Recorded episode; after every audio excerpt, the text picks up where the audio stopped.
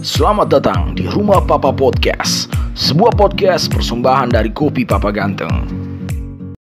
Halo, selamat sore di Rumah Papa Podcast, persembahan dari Kopi Papa Ganteng bersama dengan saya Vero yang akan menemani kamu-kamu kamu yang lagi denger tentunya ya pada sore hari ini dan kita akan membahas tentu hal-hal yang terkait dengan uh, papa. Artinya sebagai anak-anak papa pasti punya persoalan gitu kan dan kalau kita biasanya ngadunya sama mama, kali ini sedikit beda nih, ngadunya sama papa nih. Tapi anyway, Vero nggak sendirian sore hari ini karena Vero bersama dengan salah seorang anak papa yang akan buka-bukaan, tapi buka-bukaan tanda yang positif ya. Akan ngobrol, akan sharing sore hari ini. Mungkin ada yang bisa didapat hal positif, kenapa tidak? Langsung aja kita kenalan ya. Ada kakak Rifani Bistolen. Hai. Uh, Papa ya? Iya dong, pastinya. Sayang sama papa kan? Sayang banget. Sering curhat sama papa juga. Bagus lah kalau begitu. Biasa anak cewek kan sedikitnya sama papa ya. Ya, papa, bener Oh. lebih lebih ke papa, papa Ke papa ya daripada mama ya. Oke.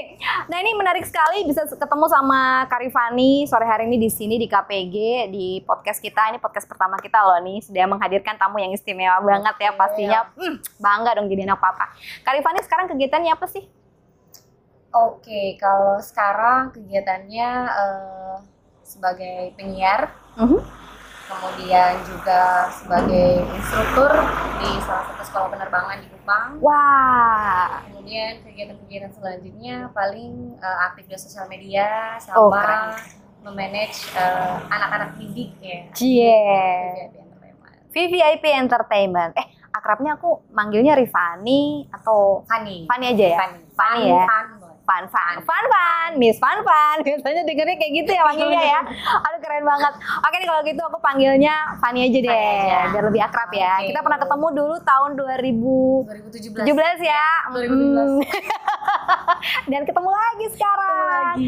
Aduh, terima Wow. kasih Ayub. Ini salah satu anak papa loh ya, papa namanya yang paling ganteng. Ayub. Iya, paling ganteng. Kamu yang remisi ya? Wow, this is my favorite. Oke. KPG ya, kopi Punya papa aku, ganteng. iya. Thank Ini yang kopi papa ganteng aku juga. Oke deh, sudah datang nih ya. Nanti akan kita nikmati. Ya. Kita akan nikmati nanti karena sekarang kita mau ngobrol dulu nih. Ntar kalau haus tinggal minum aja, Minum aja. lapar tinggal makan aja. Iya. Oke, Fan, kamu aku dengar-dengar followernya banyak gitu ya. Ada media sosial? Ada, ada. Pasti dong, nggak mungkin nggak ada. Pasti ya. Emang kerja Oke. di situ sih. Ya udah aku mau tahu nih kamu Instagramnya apa sih? Instagram, Rifani Bistolen. Rifani Bistolen. Nama asli aja. Nama aslinya Iya. ya. Oke. Rifani Bistolen. Wah, gila nih ini aku udah buka nih. Oke. Hebat, hebat, hebat banget. Hebat banget, guys. 23,3 ribu Iya. followernya, pengikutnya. Amazing banget VVIP Sedikit itu Entertainment. mah. Daripada aku hanya 200. Gimana yang lebih bagusan kamu dong, Fani? 23,3 Udah ribu. ya. Iya udah Oke. follow ya, udah follow. Keren banget, keren banget. Eh, eh, tapi anyway, kemarin aku sempat baca sih ada Mhm. kabar yang nggak enak gitu sih menurut aku ya. Apalagi waktu aku baca komentar-komentarnya gitu yang jujur kalau aku jadi kamu, wah gila, wah pensiun aku kayak gitu ya. Tapi dari komentar-komentar tersebut, kalau mau aku bilang sih aku kategorikan itu sebe- sebenarnya itu perundungan maya begitu, ibaratnya cyber bullying. Cyberbullying. Nah, kamu apa kabar? Pertanyaannya langsung apa kabar? Em, Oke. Kalau untuk di momen sekarang ditanya apa kabar, bisa dibilang tidak sedang baik-baik saja. Aduh, aku mendadak merinding gitu dengar kamu ngomong Iya. tidak sedang baik-baik saja. Tidak sedang baik-baik saja. Kalau mau bilang baik, berarti bohong sama diri sendiri dong. Wow, wow, wow. Berarti ini sekeras apa hantamannya buat kamu? Eh, dari angka 1 sampai 10 di angka 9. Damn, 9. Wow, gila. Oke, lewat dulu ya bentar ya. Iklan. iklan, iklan. Iklan. Sadis dari 1 sampai 10, 9 Sembilan. kan? Kalau boleh tahu nih ya, kita terbuka aja ya. Oke. Sama papa kan kita terbuka ya. Kita curhat sama papa terbuka. Dari 1 sampai 10, 9. Komentar apa yang paling nyakitin kamu? Yang paling nyakitin yang kamu baca dan oh my god. Dan mungkin itu dari orang yang kamu tahu sendiri atau gimana? Ada hubungannya nggak kayak gitu? Ya, dibilang influencer yang tidak memberikan contoh yang baik Oh ya, aku pernah aku Kemudian baca. Ada juga Putri yang terbuang. What? Putri yang terbuang? Iya, eh, tulang ekor Oke. yang ibaratnya dekat dengan Iya, iya. aha, and then eh, ah, kayak sulit diucapkan karena dibaca aja kayak damage-nya ngeri sih. Wow. Gitu. Ya aku juga sempat baca juga sih ada beberapa kayak gitu. Dan That's kok kok kok lebih ke kamunya ya gitu. Nah, Mungkin ada yang mau kamu sampaikan juga di sini biar anak-anak papa yang lain tahu juga nih gitu.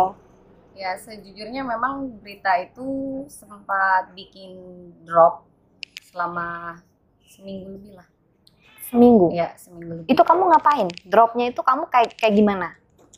Iya bener-bener cuman selain isolasi mandiri karena setelah uh, momen tersebut inisiatif sendiri untuk isolasi mandiri karena jelas banget bahwa namanya kita setelah ikut kegiatan atau apa pun yang ada kerumunan gitu Iya. pasti harus inisiatif lah untuk uh, jaga diri juga kan apalagi di rumah kan bareng keluarga juga jadi Mhm. isolasi mandiri dan selama isolasi mandiri itu bisa dibilang kadang ketawa sendiri lihat handphone nangis sendiri.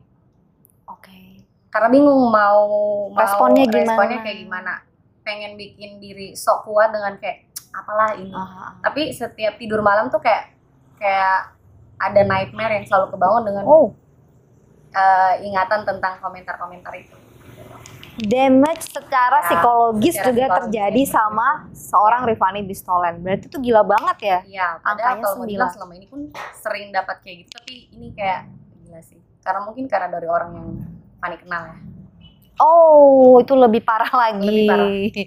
Wow, amazing. Satu minggu kamu berdiam diri untuk untuk Sampai- memulihkan diri juga salah Iya. satunya. sampai nggak buka medsos saking saking kayak takut gitu bukan takut gimana gimana Para kayak takut baca baca aja. takut baca dan takut makin drop makin kayak nggak bisa ngapa-ngapain dan istilahnya eh, niatnya isolasi mandiri buat eh, nambah imun apa kayak Ya. gimana justru malah nanti jadi sebaliknya kalau Nih, lihat gitu. gitu kan Salah satu juga untuk bisa menghindari itu ya. Oke, nah ini kalau kita lihat dari yang kamu baca, kamu baca kan semua ya? Atau nggak semua nih? baca semua tak Baca terkecuali semua tak Iya. terkecuali. Dan satu yang menarik yang damage-nya mukul banget, salah satunya adalah orang yang kamu kenal ya. Iya. Kayak gitu ya. Faktanya kita pengen tahu juga nih, semua pasti juga pengen tahu ya apa-apa. Faktanya saat itu maskeran nggak sih?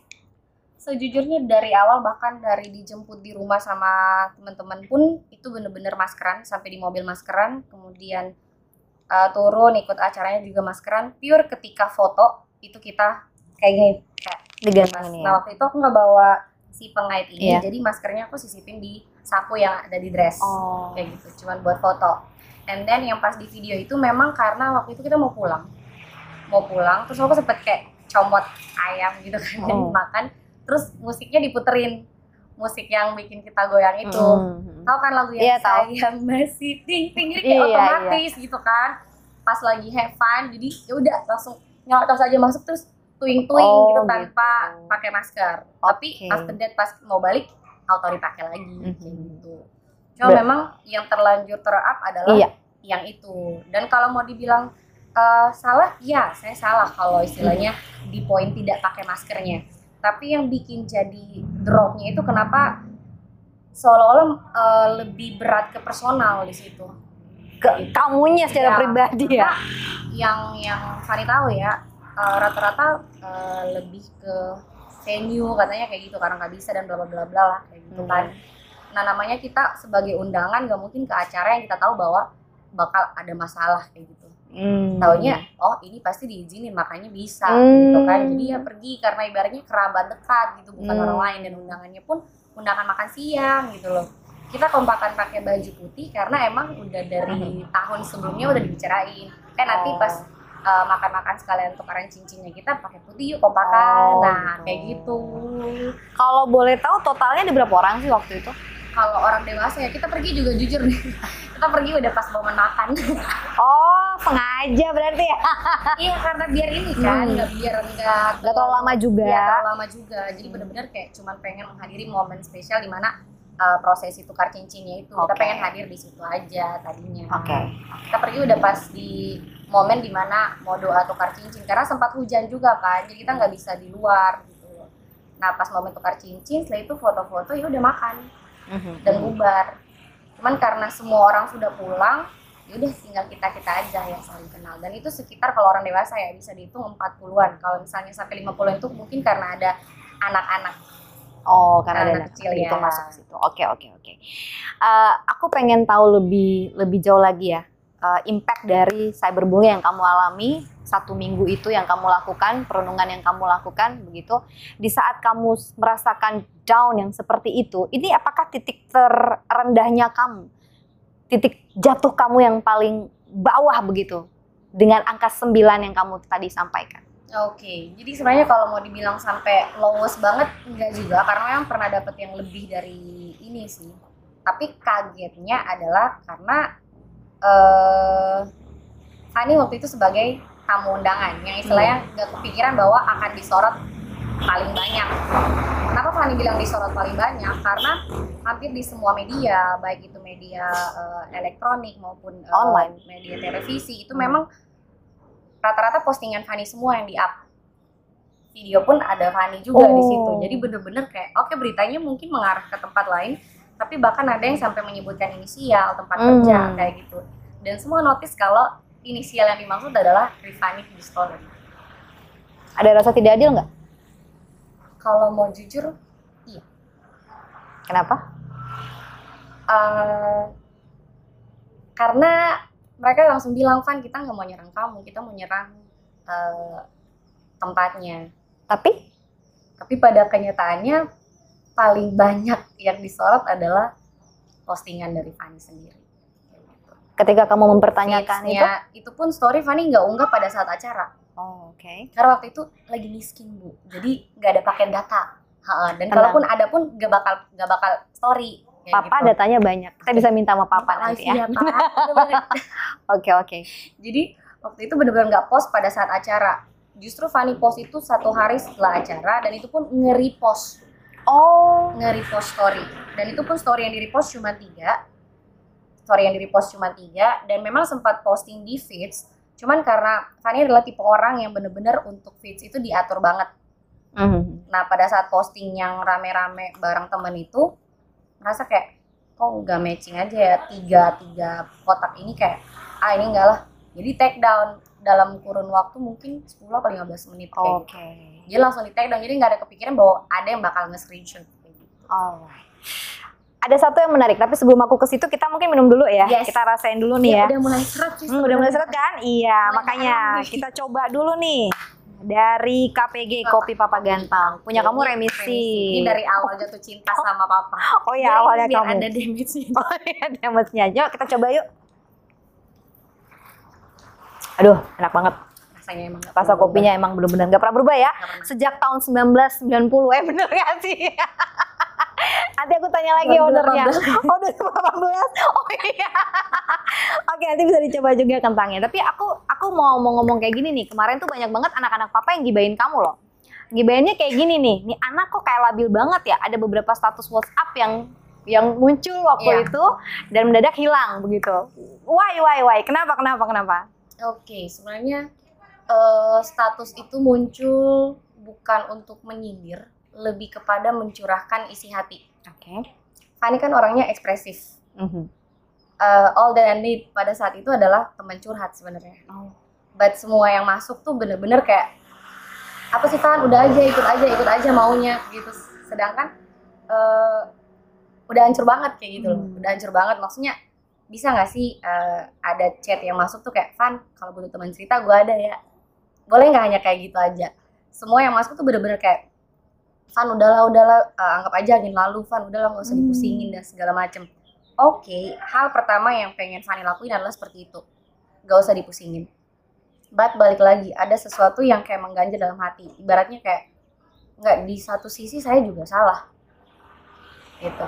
Jadi mau gak mau harus speak up. Oke. Nah, di momen tulis status WhatsApp itu lebih kepada eh Fanny curahin damage yang Fanny rasain. Dalam artian karena perundungan tersebut atau karena berita tersebut Fanny sampai terancam keluar dari pekerjaan. Dan Hmm. bahkan bisa dibilang harusnya udah keluar. Karena nama instansi betul-betul tercoreng. gitu Hmm. kan. Sedangkan pada kenyataannya Fani bukan berstatus sebagai pegawai. Hmm. kayak gitu. Iba- ibaratnya freelance lah di situ Oke. kayak gitu as broadcaster penyiar. Hmm. mentok di situ aja nggak ada sampai di pegawai negeri yang kayak gitu Mhm. nggak ada. Jadi itu yang bikin Fani ngerasa kayak drop karena di satu sisi eh, di rumah Fani eh, yang kerja ibaratnya gitu. Hmm. mama papa udah pensiun. Ada yang lagi sementara kuliah. Oma dari mama juga lagi dirawat di rumah kita gitu kan. Jadi bener-bener kayak cuma Fani yang kerja gitu Ya, ya, ya, ya. Oke, kita akan jeda setelah yang satu ini.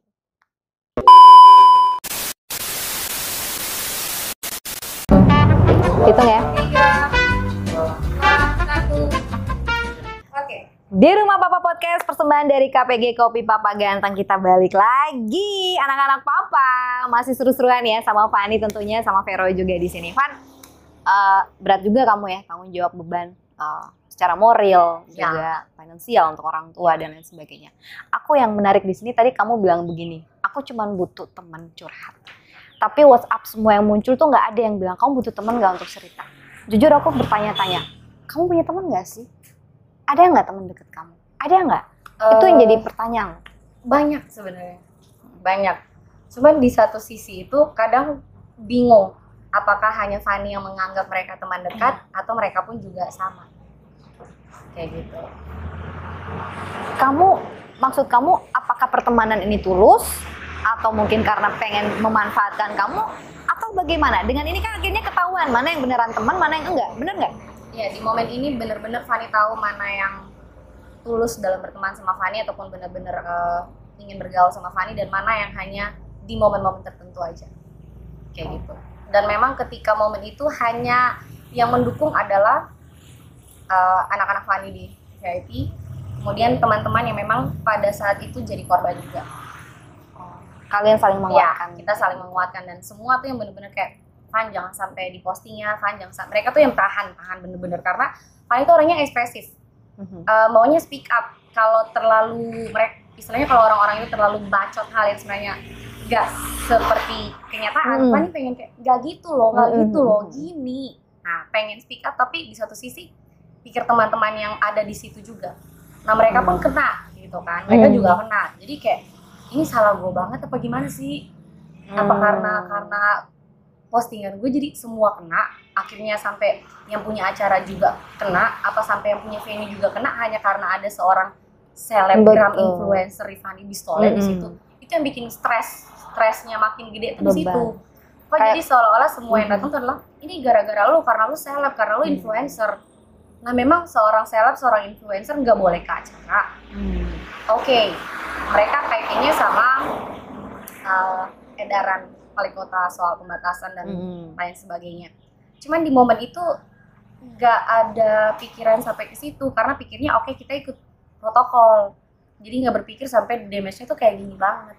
Karena foto yang keluar, video yang keluar di saat tidak menggunakan itu Iya. aja sebenarnya ya yang jadi Iya. persoalan. Padahal mungkin hanya dari sekian detik video yang diambil, sekian detik foto yang diambil, selebihnya itu pada maskeran gitu ya. Itu yang pengen kamu sampaikan. Bahkan semua file di handphone ini Fani kan suka bikin story-story singkat gitu kan untuk diposting. Itu sampai Fani tahan posting padahal sebenarnya itu tuh posisi dari Ah. awal masuk yang cuci tangan, kita di Ada suhu juga semuanya. karena memang di di resto itu nggak boleh masuk kalau nggak pakai masker, nggak diukur dulu suhunya.